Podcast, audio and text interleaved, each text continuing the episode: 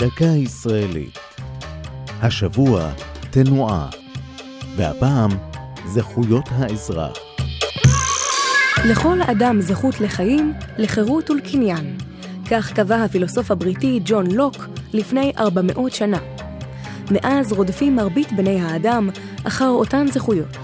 בארץ נוסדה האגודה לזכויות האזרח ב-1972.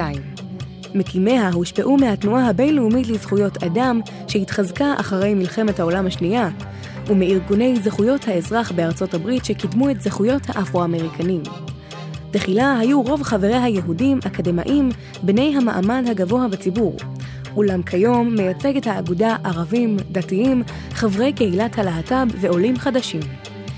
בין הישגי התנועה, ביטול הצנזורה להצגות תיאטרון, חיוב צה"ל לאפשר לנשים להתקבל לקורס טיס, איסור שימוש בעינויים בחקירות שב"כ, הכרה באימהות משותפת לשתי נשים ועוד.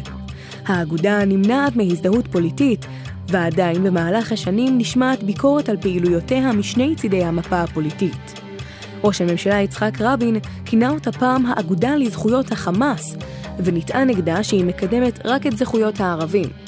עם זאת, מאבקיה כוללים תמיכה בזכותו של רוצח ראש הממשלה להינשא, ומאבק להפסקת מעצרים מנהליים של אנשי ימין. זו הייתה דקה ישראלית על תנועה וזכויות האזרח.